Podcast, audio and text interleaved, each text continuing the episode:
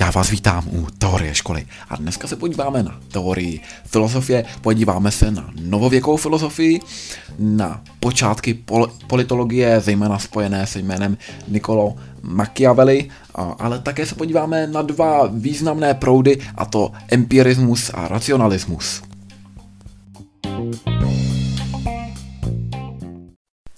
Takový krátký úvod do novověké filozofie. Kde začíná novověká filozofie? Začíná rozpadem tradičního středověkého feudalismu a zároveň i pohřlivým rozvojem přírodních věd. To přírodovědecké zkoumání, které se zde začíná tedy takto bouřlivě rozvíjet, se stává vzorem dokonce i samotného filozofického poznání. To znamená, že postupy, které jsou využívány během bádání v oblasti přírodních věd, jsou aplikovány i na filozofické problémy.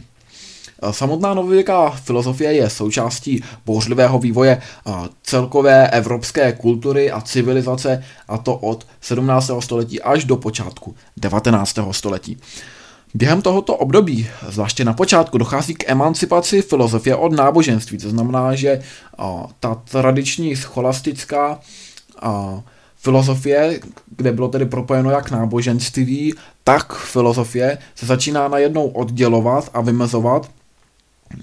Centrem se navíc stává člověk a příroda nikoli Bůh.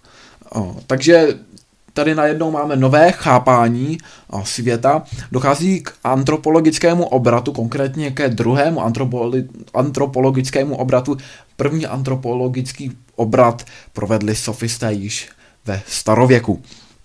Antropologický obrat znamená, že pozornost filozofů se obrací zpět k člověku samotnému, jako k té bytosti, nikoli k okolnímu světu. A také k otázkám ohledně Boha i soucna. Nyní se můžeme podívat na nozeologický systém. Tedy který způsob poznání vede k pravdě? Máme zde dva zásadní způsoby poznání, empirismus a racionalismus. Empirismus využívá indukce, to znamená vyvozuje obecné závěry z dílčích poznatků. Když to tak řeknu lehce zkresleně, tak v podstatě od konkrétních detailů postupně směřuje k všeobecným pravdám a takovou významnou roli v empirismu hraje bezprostřední smyslová skutečnost.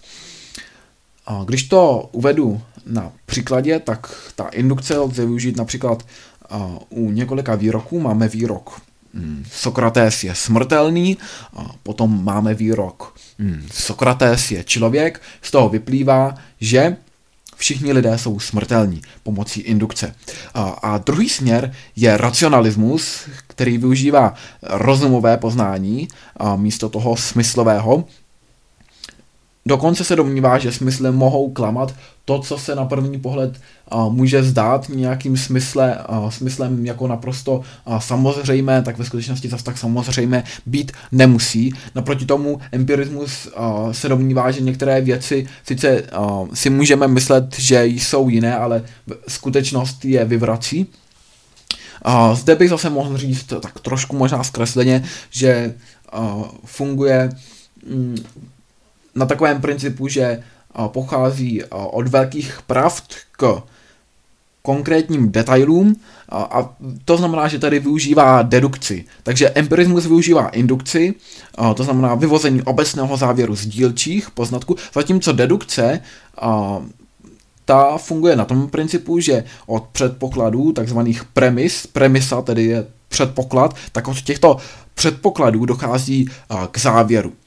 No a tento závěr tedy vychází z o něch premis neboli z těch předpokladů. Také je u racionalismu důležité, že ty premisy, které máme, nejsou pravděpodobné, ale jsou prostě stoprocentně jisté, jsou dané. Například můžeme si opět uvést analogii s empirismem třemi výroky, Sokrates je člověk, zároveň víme, že všichni lidé jsou smrtelní a z toho můžeme vydedukovat, že Sokrates je smrtelný. Kromě empirismu a racionalismu samozřejmě dochází k rozvoji mnoha dalších oborů, jako je například ekonomie nebo politologie, a které do té doby také byly součástí filozofie a, a v jistém smyslu součástí náboženství. Například a, ve středověku nebylo běžné a, brát úvěry, a, hypotéky a požadovat úrokovou sazbu, což bylo bráno a, spíše jako za lichvářství, ale a, právě při té metamorfóze z středověkého smýšlení do toho novověkého a můžeme pozorovat, že postupně tedy tady ty zábrany klesají a dochází tedy k rozvoji i těchto oblastí. No a jednou z oblastí, která se začíná rozvíjet, je i politologie. Tam je velkým jménem Niccolo Machiavelli. Niccolo Machiavelli je člověk, který vymýšlí pojem stát.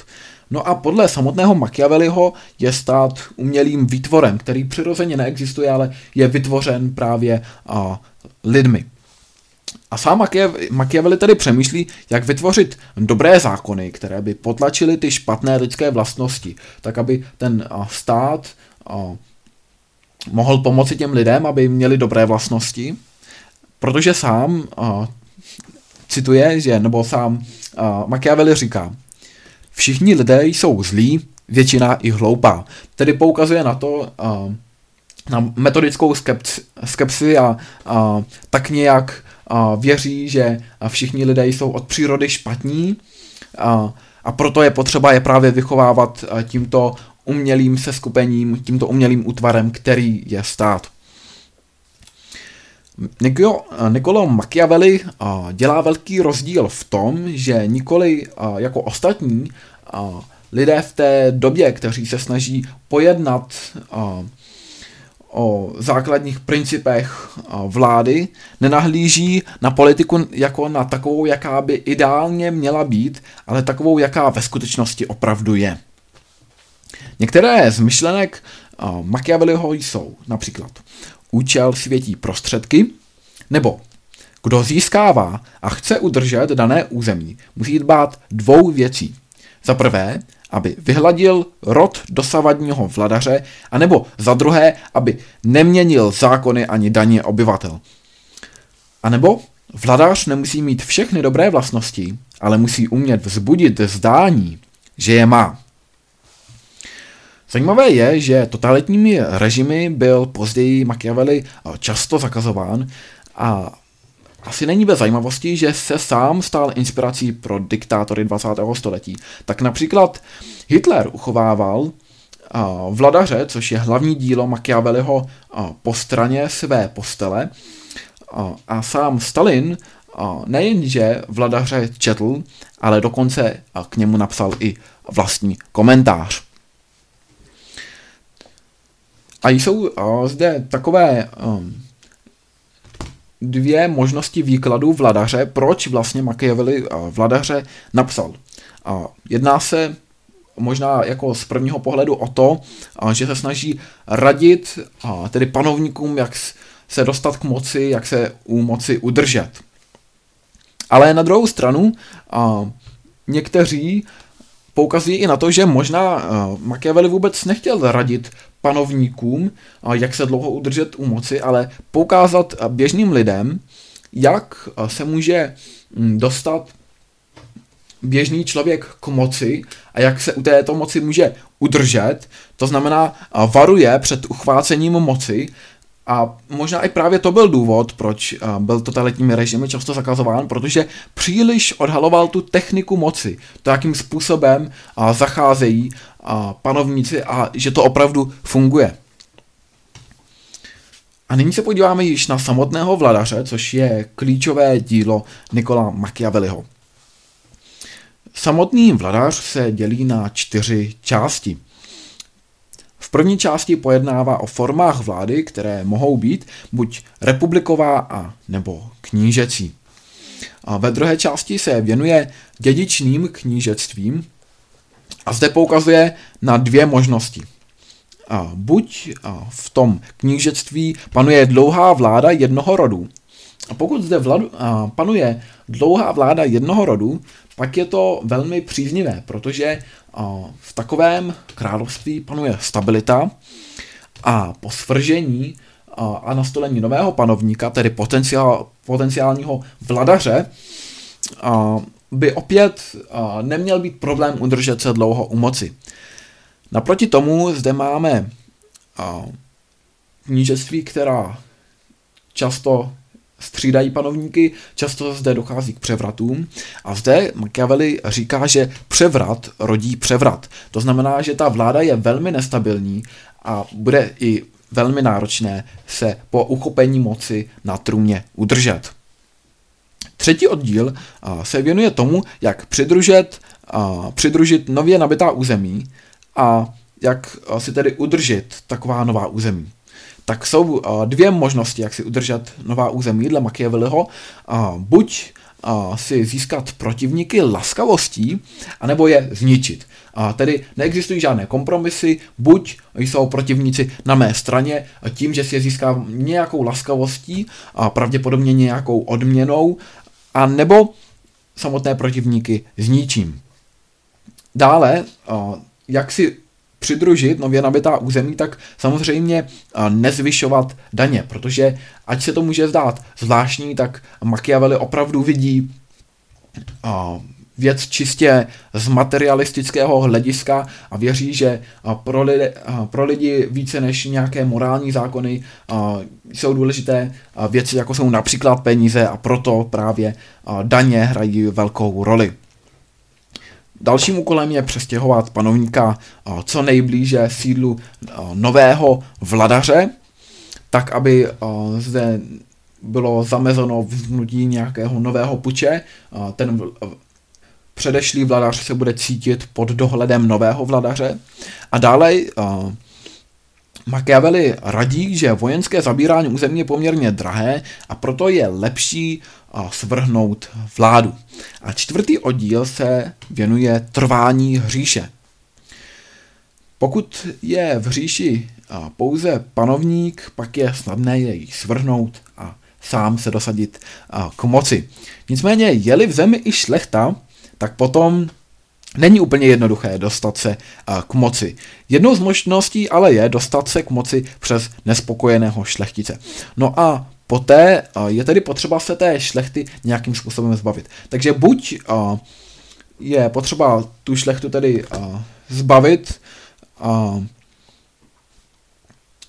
tak, že je možno ji zlikvidovat, což je ale poměrně náročné a proto Machiavelli doporučuje poštvat šlechtu proti sobě. Takže navzájem ty šlechtici budou na sebe uh, útočit a tím pádem se de facto zničí.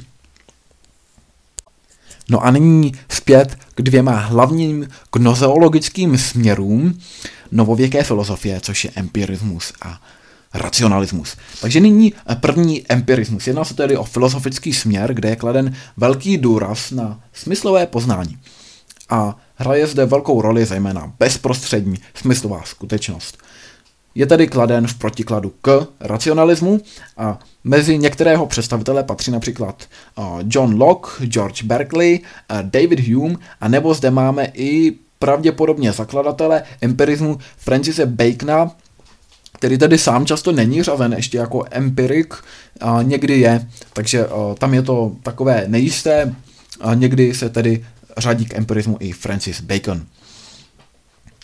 No a, a nyní se můžeme podívat tedy na Johna Locke.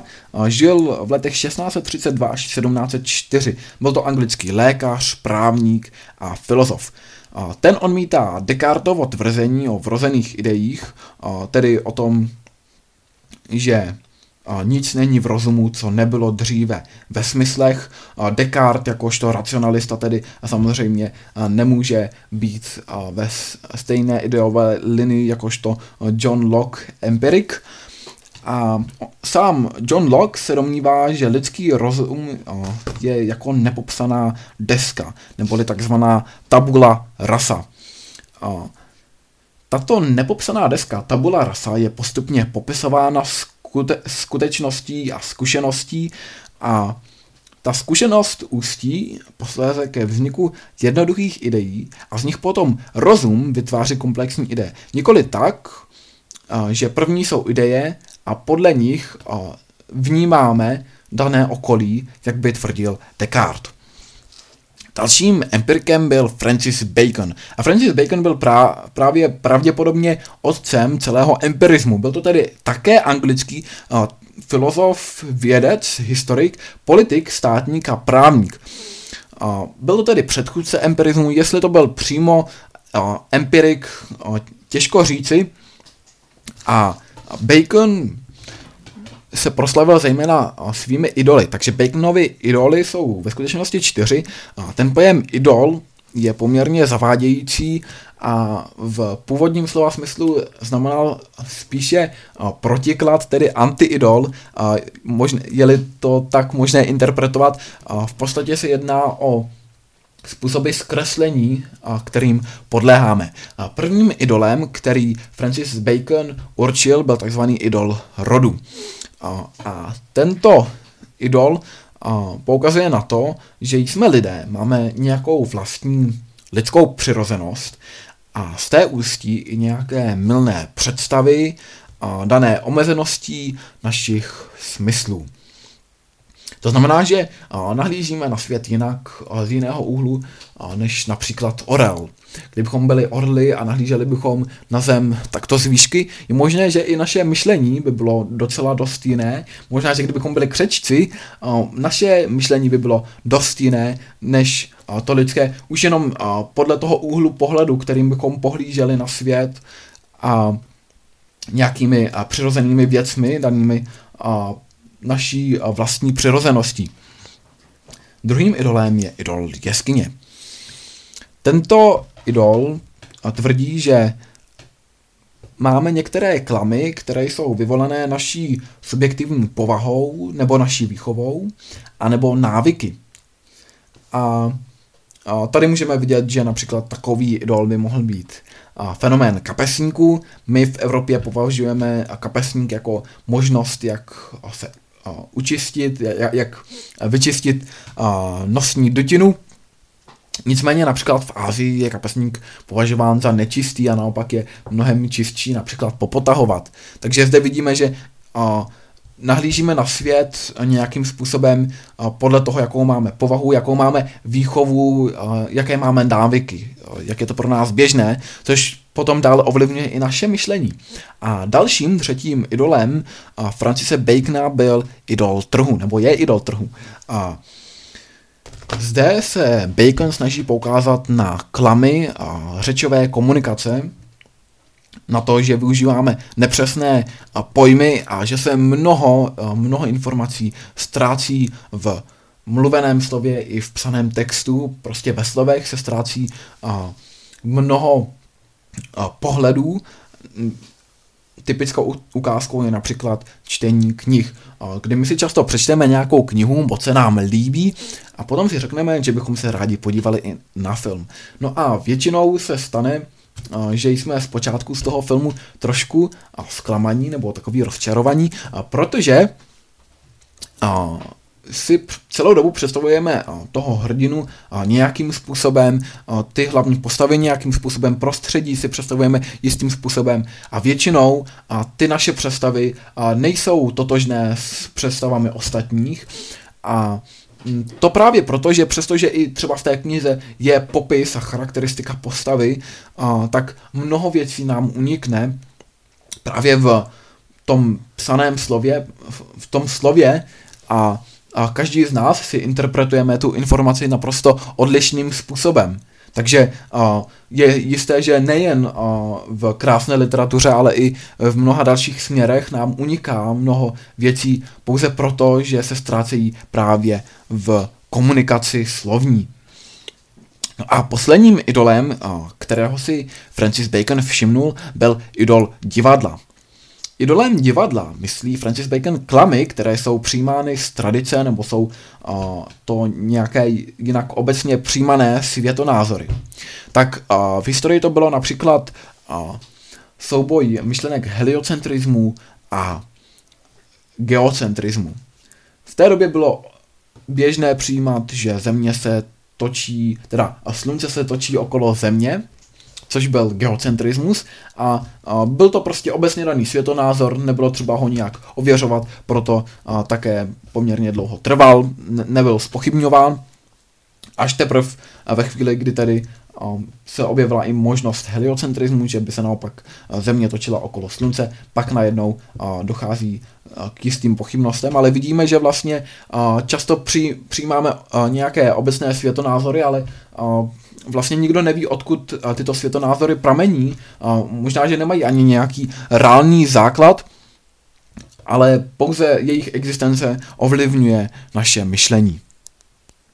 Dalším empirikem byl Thomas Hobbes. Thomas Hobbes žil od roku 1988 do roku 1679. Jeho hlavní zájmy ležely v oblastech práva, státu a zároveň sám Thomas Hobbes byl sekretářem Francise Bacona, tedy toho otce empirismu. Sám Thomas Hobbes byl materialista, kritizoval scholastickou představu božského původu společnosti. Domníval se, že společnost vůbec nemá žádný božský původ a spíš se domníval, že člověk je od přírody egoista a jeho motivem jednání je pouze touha. No a, a potom se tedy táže, mm, jak poznat, co je dobré a co ne. Nelze to určit podle tedy nějaké božské podstaty, jak tomu bylo během scholastické filozofie. A tak tedy dochází k tomu, že je jedinou možností, jak poznat, co je opravdu dobré a co ne, je podle toho, jak je nám to příjemné a jak nám to příjemné není. Tedy podle pocitu libosti a nelibosti. Pokud je nám něco příjemné a je to tedy nám libé, a pak a se jedná o věc dobrou a záslužnou a naopak pokud je nám něco nepříjemné nebo nelibé, tak se jedná o věc špatnou. A zde můžeme pozorovat podobný motiv jako u v té době dalšího zná, známého myšlence, tentokrát o, ekonoma Adama Smithe, a Adam Smith byl mm, tedy také spíše zakladatelem ekonomie a vycházel z principu, že lidé dělají vše kvůli o, nějakému osobnímu dobru, aby se jim dařilo, a spíš než k nějakému všeobecnému blahu. Tedy můžeme zde vidět podobný motiv jako u Tomasa Hobbese, že člověk je od přírody egoista jeho jediným motivem jednání je touha a po vlastním uspokojení. Co se týče díla Tomase Hobbese, tak uh, pochází z, především z období přelomu renesance a baroka. Uh, například jedno z jeho děl se jmenuje Základy přirozeného a politického práva. Uh, původně tento svazek základy přirozeného a politického práva byl rozdělen na dva menší a to na, teda na původně dvě samostatné knihy. A ta jedna se jmenovala o lidské přirozenosti a ta druhá o tělese, ta byla latinsky, neboli de corpore politico a de corpore politico, neboli tedy o politickém tělese, může-li se to takto volně přeložit, tak v podstatě znamená o státu. On pojednává o státu jakožto o politickém tělese a úvahám o státu si věnuje i ve svém dalším poměrně významném díle, a to je Leviatan. Originálně se toto dílo jmenuje Leviatan neboli o podstatě zřízení a moci státu církevního a občanského. A vychází zde z, tedy z toho, že mm, lidé mohou od přírody všechno, a všichni jsou si rovni, a ten důvod, proč lidé mohou všechno, je kvůli tomu, že tedy a, není žádný morální kodex, co je dobré a co ne. Prostě lidé mohou všechno, pokud jim je to příjemné, tak to mohou dělat, pokud jim to příjemné není, pak to asi není úplně ideální. A z toho vyplývá, že tedy nejsou žádné přímé jistoty, není tedy žádný morální zákon. A potom je otázka, jak do, dojde k uspořádání. Je tu ohromný chaos. A sám Hobbes se domnívá, že chaos skončí ve chvíli, kdy na, nějaké za, na nějakém základě společenské smlouvy utvoří lidé státní moc. A po, potom také je tedy potřeba, aby se té státní moci, kterou utvořili, a, aby se jí sami podřídili. A právě tato společnost, a, daná tou společenskou smlouvou, určuje pravidla soužití. A při vstupu do ní je potřeba vzdát se části svobody a stát potom připodobňuje Thomas Hobbes k Leviatanovi, což je původně biblická obluda. Vnímá stát totiž jakožto organizaci s absolutní mocí nad obyvateli a mm, určuje zákony, to je jedna funkce státu. A druhá funkce státu je stanovování toho, co je správné a morální a co ne. Tedy, protože je to velmi volné a je těžké tedy určit, co je správné a co ne, kromě toho našeho pocitu libosti a nelibosti, by to tedy měl určit samotný stát. No a dále zde tedy máme um, spis o svobodě a nutnosti, kde se opět věnuje a tomu tedy, jak určit, co máme dělat, co je pro nás nutností, když a, zde nemáme téměř žádné jistoty. A takovým a, trojdílným svazkem jsou elementy filozofie, také latinsky elementa filozofie, a to se dělí, nebo tento svazek se dělí na tři díly. První díl se nazývá o tělese, neboli de corpore. Pozor, toto dílo není totožné s dílem, které pochází ze svazku základy přirozeného a politického práva, kde tedy bylo de corpore politico, to bylo o politickém tělese, a tady to je pouze o tělese de corporo, tam se věnuje logice, matematice a zejména geometrii. A zde adoptuje například nápady a Galilea nebo Cavalieriho. Víme, že Cavalieriho princip znamená to, že a, pokud má těleso složitý tvar, tak a, když ty a, dílčí části tělesa přesuneme na správné místo, tak má stejný objem jako těleso jednoduché. A zároveň i v právě uh, ve svazku De Corpore disku, diskutuje o, o podstatě fyziky jako samotné a právě uh, využívá mnohých principů přírodních věd a zakomponovává je i do filozofie. A druhá část elementů filozofie je uh, svazek nazývaný o člověku, neboli de homine, a, a třetí potom o samotném občanu, neboli a ten svazek se jmenuje o občanu a latinsky de cive. Dalším filozofem byl David Hume. David Hume se narodil 1711, umírá 1786 a je rozkostský filozof a historik. Sám bojuje proti objektivní existenci kauzality neboli příčinnosti a také zároveň proti náboženství. Pokud se zamyslíme nad tedy tou objektivní existencí kauzality, tak zde můžeme vidět jasný eh, rozpor názoru Davida Huma eh, s Wilhelmem eh, Friedrichem Leibnizem, což byl racionalista, filozof, který se nachází také v tomto období. A zde můžeme vidět, že tedy vzájemně na sebe naráží, protože zatímco David Hume říká, že kauzalita neboli příčinnost nemusí objektivně existovat, tedy že na to, abychom pohlíželi na nějaký objekt, není, objekt, není potřeba vůbec znát, jak vzniknul nebo z čeho pochází, tak naopak tedy Gottfried Wilhelm Leibniz se snaží vždy, když se dívá na určitou věc, poznat, z čeho vznikla nebo odkud pochází, co je příčinou jejího vzniku a tak to se dostává třeba až ke vzniku vesmíru, jak, jak to, že vznikl. A Uh, sám tedy David Hume píše uh, dílo uh, Zkoumání lidského rozumu a sám je silně ovlivněn esejí o lidském rozumu, kterou napsal uh, John Locke. Uh, krom toho, že je to ateista, hm, tak je to i senzualista.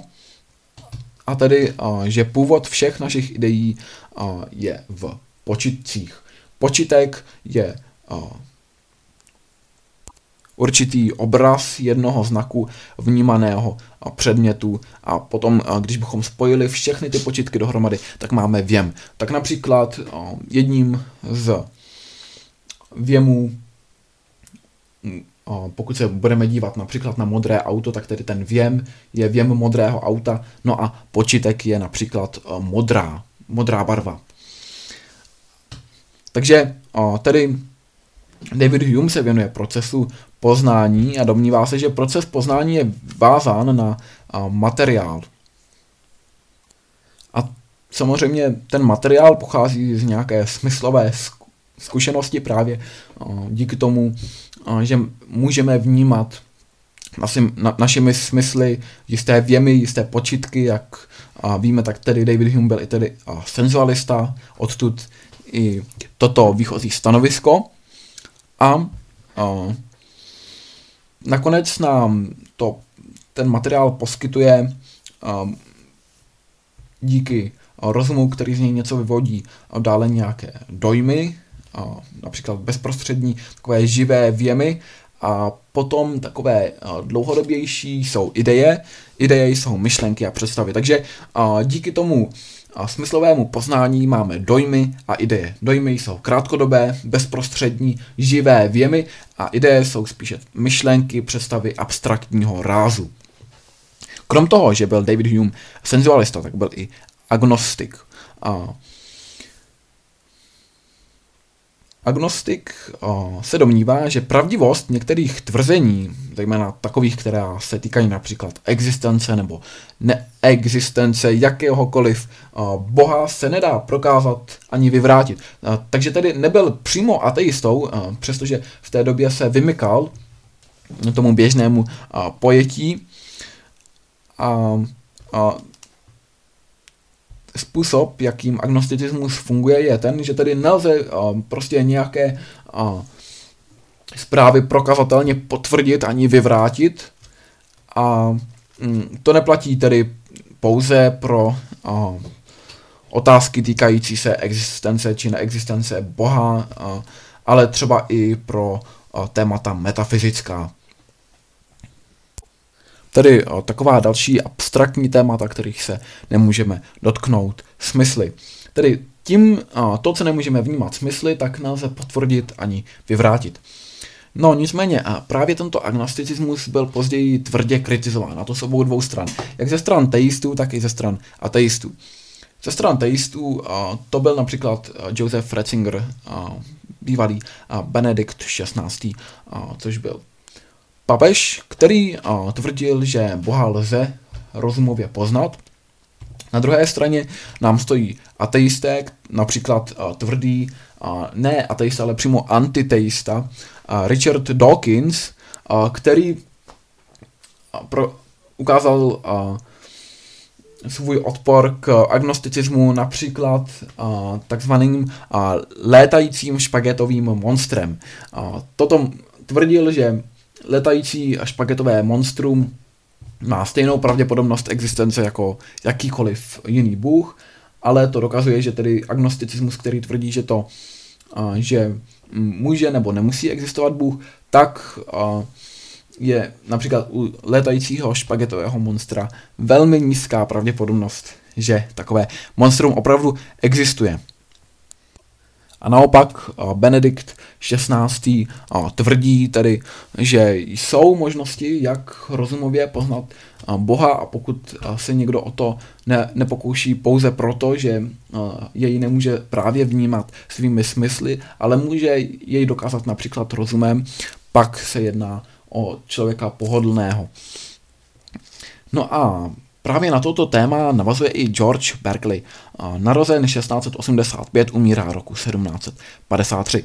Byl to irský filozof, teolog a misionář. Takovým hlavním krédem George Berkeleyho bylo být znamená být vnímán. Cílem George Berkeleyho bylo opět lidi obrátit k Bohu. Sám se tedy domnívá, že věci existují pouze v procesu vnímání duchem. To pravděpodobně zní poměrně složitě, ale je tím myšleno to, že věci možná ve skutečnosti vůbec neexistují, ale my si pouze myslíme, že existují. Často se to uvádí na příkladu Matrixu, že jsme ve skutečnosti jenom například mozek v lahvi a pouze tím, že mm, jsou nám přiváděny určité elektronové signály, tak si myslíme, že právě před námi stojí například druhý člověk, ale ve skutečnosti tam vůbec nestojí. I když si myslíme, že se něčeho dotýkáme a tady dokazujeme to smysly, tak se možná jedná pouze o nějakou iluzi navo, navo, navozenou naším mozkem. Kde se dostáváme téměř k solicismu, což je tedy to, že existuje pouze vnímající osoba, neboli tedy solus ipse, to jsem já, jakožto pozorovatel, a vše ostatní je pouze výplodem mé vlastní fantazie. A tedy jediným způsobem, jakým můžeme existovat, je takový způsob, kterým budeme vnímáni, budeme vnímáni ostatními. Takže to je filozofie George Berkeleyho. Často je uváděn v současné době ve vztahu k sociálním sítím, kdy se říká, že mnoho lidí, kteří používají sociální sítě, je používají právě proto, aby se cítili více vnímání a tedy více naplnili svou vlastní existenci tím, že jsou vnímáni, vnímáni dru, druhými lidmi a naopak lidé, kteří tedy nepoužívají sociální sítě, skoro jako kdyby nebyli, protože nejsou vnímáni ostatními kvůli tomu, že tyto sociální sítě nevyužívají. Já věřím, že vás uh, mnozí novověcí filozofové z řad empiriků a politologů uh, zaujali. Uh, a možná, že vás zaujaly třeba i některé jejich myšlenky, možná, že naopak s některými z nich nesouhlasíte. A v tom případě vás bude jistě zajímat, jaká je další možnost. Jednou z, jedním z protipólů tvořili například racionalisté. A já vám přeji pěkný zbytek dne, zatím ahoj.